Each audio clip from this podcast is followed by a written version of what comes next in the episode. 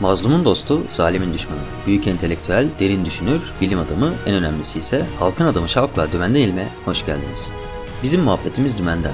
Hakiki ilmi görmek isteyenler akademinin kapalı kapılarının ardına geçebilirler.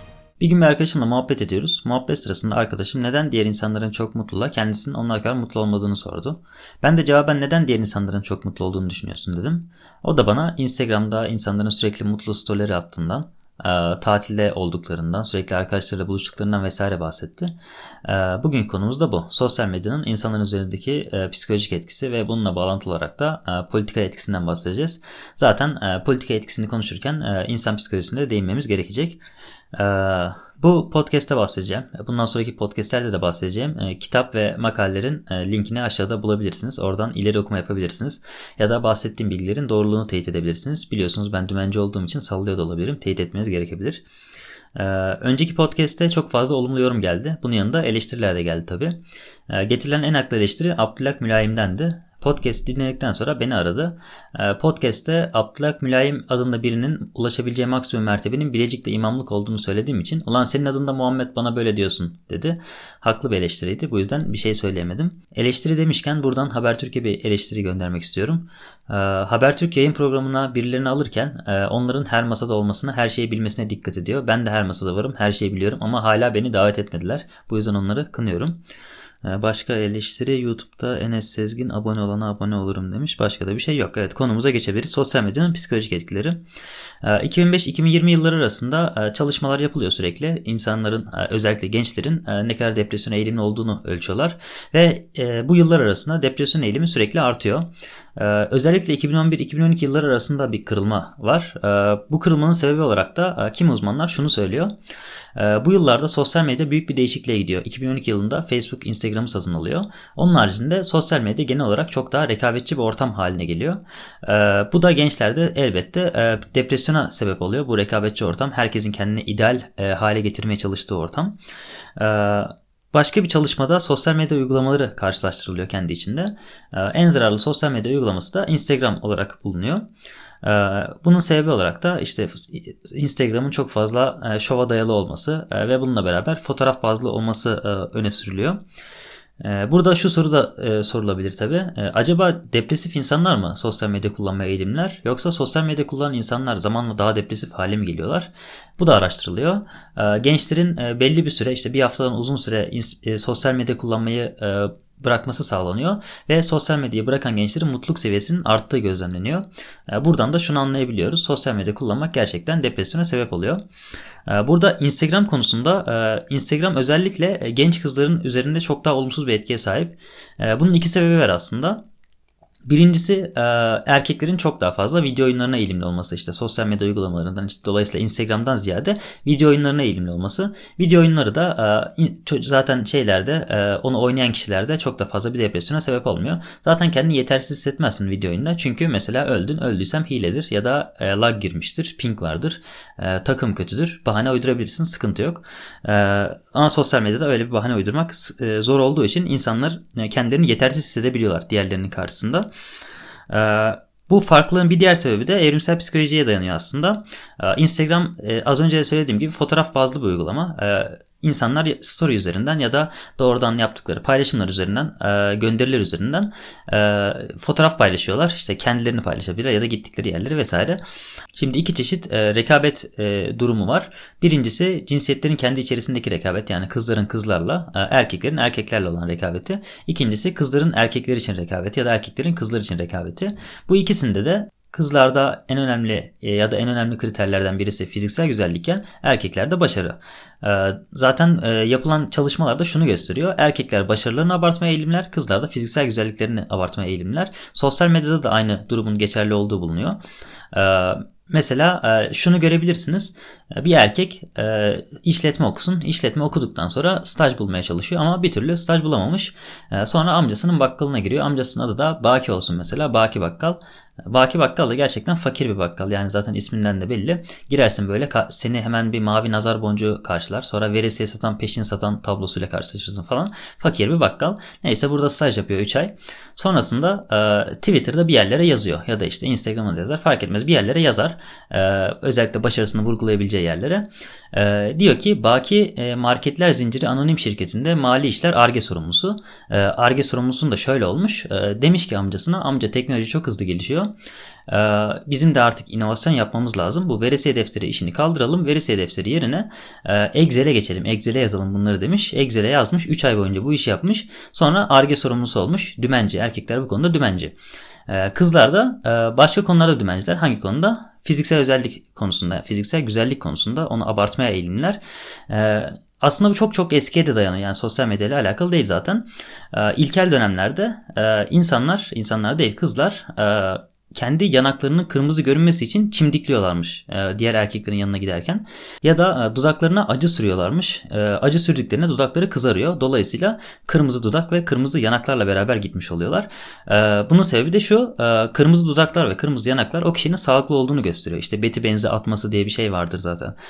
Terim vardır. Onun haricinde hasta olan insanların da dudakları kurumaya başlar, beyazlamaya başlar vesaire. Bu şekilde kanlı canlı bir insanım ben mesajını iletmek için karşıya böyle bir yola başvuruyorlar. İlerleyen zamanlarda e, bunun yerini makyaj alıyor tabii. E, tabii makyajla yetinmiyorlar. E, makyaj günlük hayatta da var zaten. E, makyajın yanına Photoshop eklendi. Bu konu ilginç çünkü e, bu öyle bir aşamaya geldi ki e, kızlar 4 yıllık grafik tasarımcıdan daha iyi e, Photoshop kullanmaya başladılar.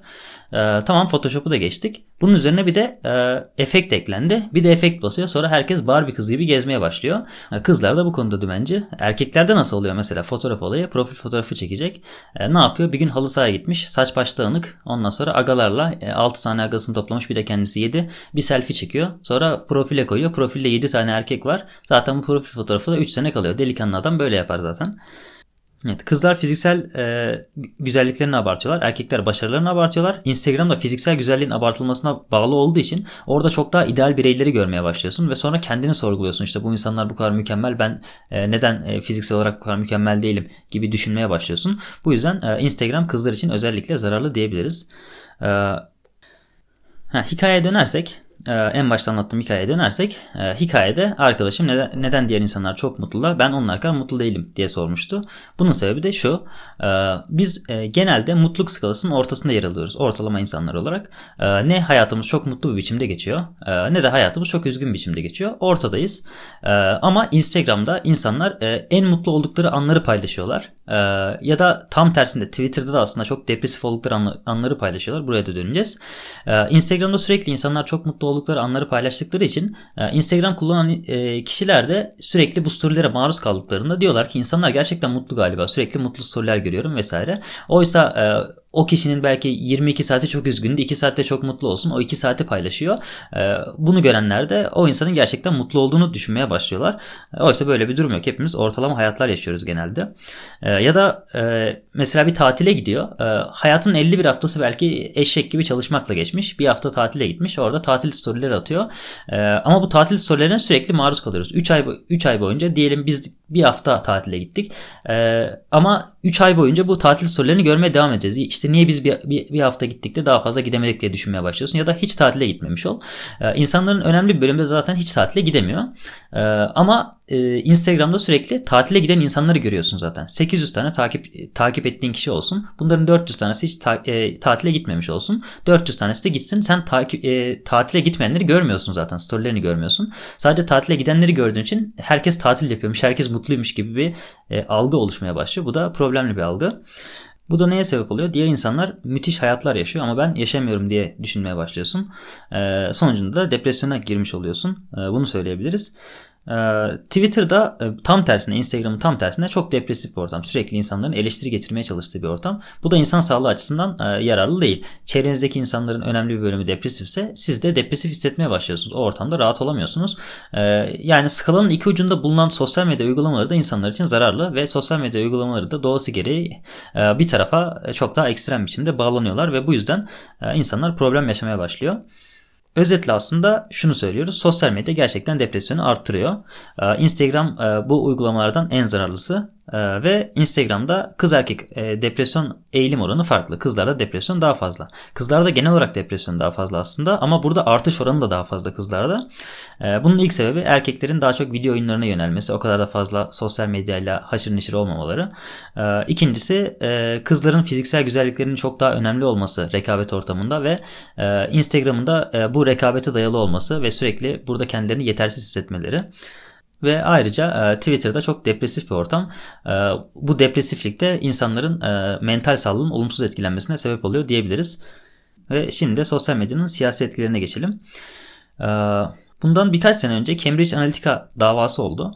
E, Cambridge Analytica şirketi e, 2016 yılında e, Amerika başkanlık seçimlerine karışmış. E, ondan sonra da Brexit, İngiltere'nin e, Avrupa Birliği'nden çıkış e, davasında e, yer almış bir şirket. Bu şirket e, basitçe şunu yapıyor. Sosyal medyada reklamlarla insanların bilgilerini kullanıyor. Onların karşısına reklam çıkarıyor ve bu reklamlarla insanları manipüle ediyor.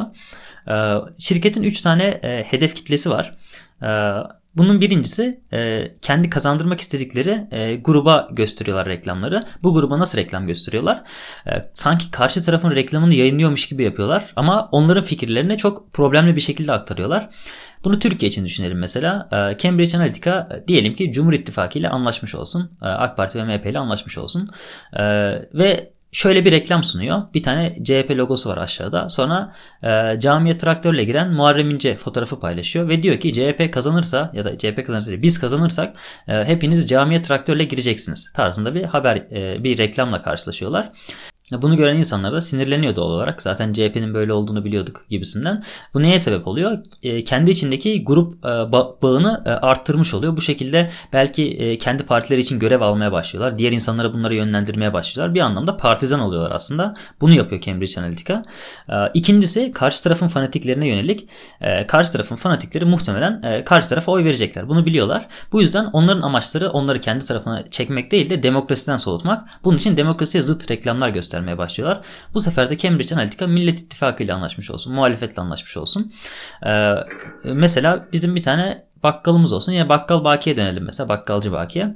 Bakkalcı bakinin karşısına sürekli demokrasiye zıt e, içerikler, reklamlar koyuyorsun. Diyorsun ki işte halk zaten cahildir. Cahil insanlar oy kullanmamalıdır falan. Sonra bizim e, bakkalcı baki bir anda aristokrat kesiliyor. Böyle Yunan aristokratları gibi gezmeye başlıyor. E, sonra insanların kafasını açıyor falan böyle kahvede. Sonra belki de oy vermeyecek yani amacı bu. E, şirketin amacı bu. Şirketin amacı bu. Ona oy verdirtmemek. Ee, bunu sağlayabiliyorlar. Üçüncü grup da kararsız grup. Ee, şimdi şeyin sosyal medyanın şöyle bir durum var. Ee, bizi e, kimi zaman e, arkadaşlarımızdan, ailemizden çok daha iyi bilebiliyor. Ee, bizim verdiğimiz etkileşimlerden işte beğenilerimizden olabilir, retweetlerimizden olabilir, paylaşımlarımızdan olabilir. Bunları inceliyorlar ve bizim bir profilimizi çıkartıyorlar. İşte evli miyiz, değil miyiz? Ee, o, o sırada depresif miyiz, değil miyiz? Ne, nelere ilgimiz var? İşte hangi rengi seviyoruz? Her şeyi bilebiliyorlar bunlardan. Bir profil çıkartıyorlar ve e, bu profil sonrasında da kişiselleştirilmiş reklamlar sunuyorlar bize. Bu reklamlarda bizim bizim ikna olma e, oranımızı çok da arttırmış oluyor. Bu şekilde seçmenleri kendi taraflarına e, çekiyorlar. 2016'da e, Trump'ı kazandırdılar. Sonrasında da İngiltere'nin Avrupa Birliği'nden çıkma davasını kazandırdılar. Başka ülkelerde de faaliyetleri vardı. Türkiye'de henüz olmadı diyebiliyorum. Ama belki ilerleyen zamanlarda bu ve benzeri şirketleri görebiliriz. Sosyal medyanın siyasi etkileri tartışılırken en önemli tartışma yankı odası ve kutuplaşma ekseninde dönüyor. Yankı odasıyla kastım bilmeyenler için echo chamber. E, onu yankı odası olarak çeviriyorum. E, yankı odasıyla kastımız şu. E, belli bir grup insan sadece kendi içinde fikir tartışmasına giriyor. Karşı taraftaki insanların fikirlerine maruz kalmıyorlar. Onları dinlemiyorlar. Bu sosyal medyanın buna sebep olduğu düşünülüyor. İşte sürekli insanlar kendi fikrinden insanlarla görüşüyorlar sosyal medyada ve böyle bir yankı odası oluşturuyorlar. E, diğer haberlere işte diğer insanların söylediklerine maruz kalmıyorlar gibi. Ama aslında e, sosyal medya bu e, yankı odasını bir oranda kırıyor da. E, reel hayatta e, çok daha kendi fikrimizden insanlarla iletişim kurmaya eğilimliyiz ama sosyal medya bize istemediğimiz halde bazen karşı fikirleri e, karşı fikirlere maruz bırakabiliyor. Mesela Twitter'da bir arkadaşımız karşıt fikirden bir yere yorum yapıyor. Bu direkt bizim ana sayfamıza düşüyor. Bu şekilde o fikirleri görmüş oluyoruz. Reel hayatta ise böyle bir olayın gerçekleşme olasılığı çok daha düşük. Ve şöyle bir durum da var. Reel hayatta arkadaşlarımızı seçerken e, bu arkadaşlarımızın bizimle aynı fikirden olmasına özellikle dikkat ediyoruz. E, hatta şöyle bir çalışma var. E, insanlar e, daha önce tanışmadıkları ya da çok az tanıdıkları karşıt görüşten insanlara e, arkadaşlarından daha fazla güveniyorlar. Böyle bir durum da var. E, ve onun haricinde partner seçimimizde e, politik e, fikirler çok etkili. E, bunların etkili olduğunu söyleyebiliriz. Dolayısıyla çevremize insanları alırken e, politik e, politik düşüncelerine çok dikkat ediyoruz. Realde bu yüzden e, daha fazla eko çemberi oluşturuyoruz aslında. Yankı odası oluştururuyoruz. E, tabii bu yankı odası genelde kutuplaşmayla beraber anılıyor. Yani sosyal medya yankı odasını arttırdığı için kutuplaşmaya da sebep oluyor tarzında e, bahsediliyor. Ama aslında yankı odasına sebep olmasa da kutuplaşmaya sebep olabiliyor. Bunun sebebi de şu. Sosyal medyada ekstrem fikirler e, ılımlı fikirlere göre daha çok tutuluyor. E, daha çok beğeni veriliyor, daha çok retweet atılıyor, daha çok paylaşılıyor. E, bu yüzden ekstrem fikirlere sahip insanlar da bu paylaşımları yapmaya devam ediyorlar. Ilımlı fikirlere sahip olan insanlar da ekstremleşiyorlar daha fazla beğeni alabilmek için. Hepimiz sonuçta sosyal canlılarız ve beğeni almaktan dolayısıyla sosyal onay almaktan hoşlanan varlıklarız sürekli şey aldıkça bu beğenileri aldıkça bu paylaşımlardan o paylaşımları yapmaya devam etmiş oluyoruz. Ekstrem paylaşımları yapmayı. Ee, bu yüzden sosyal medya insanları e, gittikçe e, ekstremleştiriyor. Bu yüzden kutuplaşmayı arttırıyor aslında. Ee, burada şu soru sorulabilir. Neden e, insanlar ekstrem fikirleri daha çok beğeniyorlar? Burada benim aklıma bazı nedenler geliyor. Ee, doğrulama yanılgısıyla bağlantılı aslında. Doğrulama yanılgısı şu. E, biz e, bizimle aynı fikre sahip bir veri gördüğümüzde e, bu veriyi doğrudan e, kabul etmeye, e, zıt fikirler gördüğümüzde de e, bu fikirleri görmezden gelmeye, kimi zaman çarpıtmaya eğilimliyiz. E, bunu neden yapıyoruz? Çünkü e, fikir değiştirmek bizim için maliyetli bir durum. E, hatta şöyle de e, hatta şurada da görebilirsiniz bunu. E, politik ve dini fikirleri değiştirmek e, mesela e, latte mi içeyim yoksa moka mı içeyim fikrini değiştirmekten e, çok daha zordur. Çünkü bu fikirler hayatımıza doğrudan etki eden, hayatımızı büyük oranda değiştiren fikirler. Mesela bir m, siyasi fikre sahipsin. Hayatını bunun üzerine kurgulamışsın. Sonra tamamen farklı bir görüşe sahip oluyorsun. Dünya görüşün tamamen değişiyor. Ya da aynı şekilde e, dini düşünceler için de bunu söyleyebiliriz. E, ama kahve fikrinde o sırada bu kahve değil de farklı bir kahve almış oluyorsun. Bunun çok bir önemi yok. E, aktivistler mesela e, fikir değiştirmeye çok daha az eğilimlidir. Çünkü hayatını ona adamış. Hayatını ona adadıktan sonra fikir değiştirmesi çok daha zor olmuş oluyor. E, özetle e, şunu söylüyoruz aslında. Ee, şirketler verileri alıp e, bize e, reklam sunuyorlar. E, bizi manipüle edebilecek reklamları sunuyorlar. Bu şekilde istedikleri parti ya da istedikleri sonucu elde edebiliyorlar. Sosyal medya yankı odasını kırıyor. Real hayatta göremediğimiz fikirleri sosyal medyada görmüş oluyoruz. Ama buna rağmen kutuplaşmanın arttığını söyleyebiliriz. Çünkü ekstrem fikirler çok daha fazla değer görüyor. Bu bölümde bahsetmek istediklerim bu kadardı. Sonraki bölümde görüşürüz. Patreon destekçilerimiz Patrick Bateman, Ryan Gosling, Travis Bickle ve Lou Bloom'u da buradan teşekkürlerimi sunuyorum.